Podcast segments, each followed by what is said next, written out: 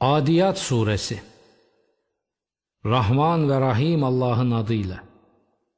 Andolsun soluyuşları ile ses çıkararak koşanlara, nefes nefese saldıranlara, çakıp çakıp ateş çıkaranlara, sabahleyin akın edenlere, baskın yapıp toprak fethedenlere, derken onunla toz duman çıkaranlara, derken onunla bir topluluğun ortasına dalanlara ki, insan Rabbine karşı gerçekten çok nankördür. Ve kendisi de buna iyiden iyiye tanıktır. O mal ve servet arzusu yüzünden alabildiğine katıdır.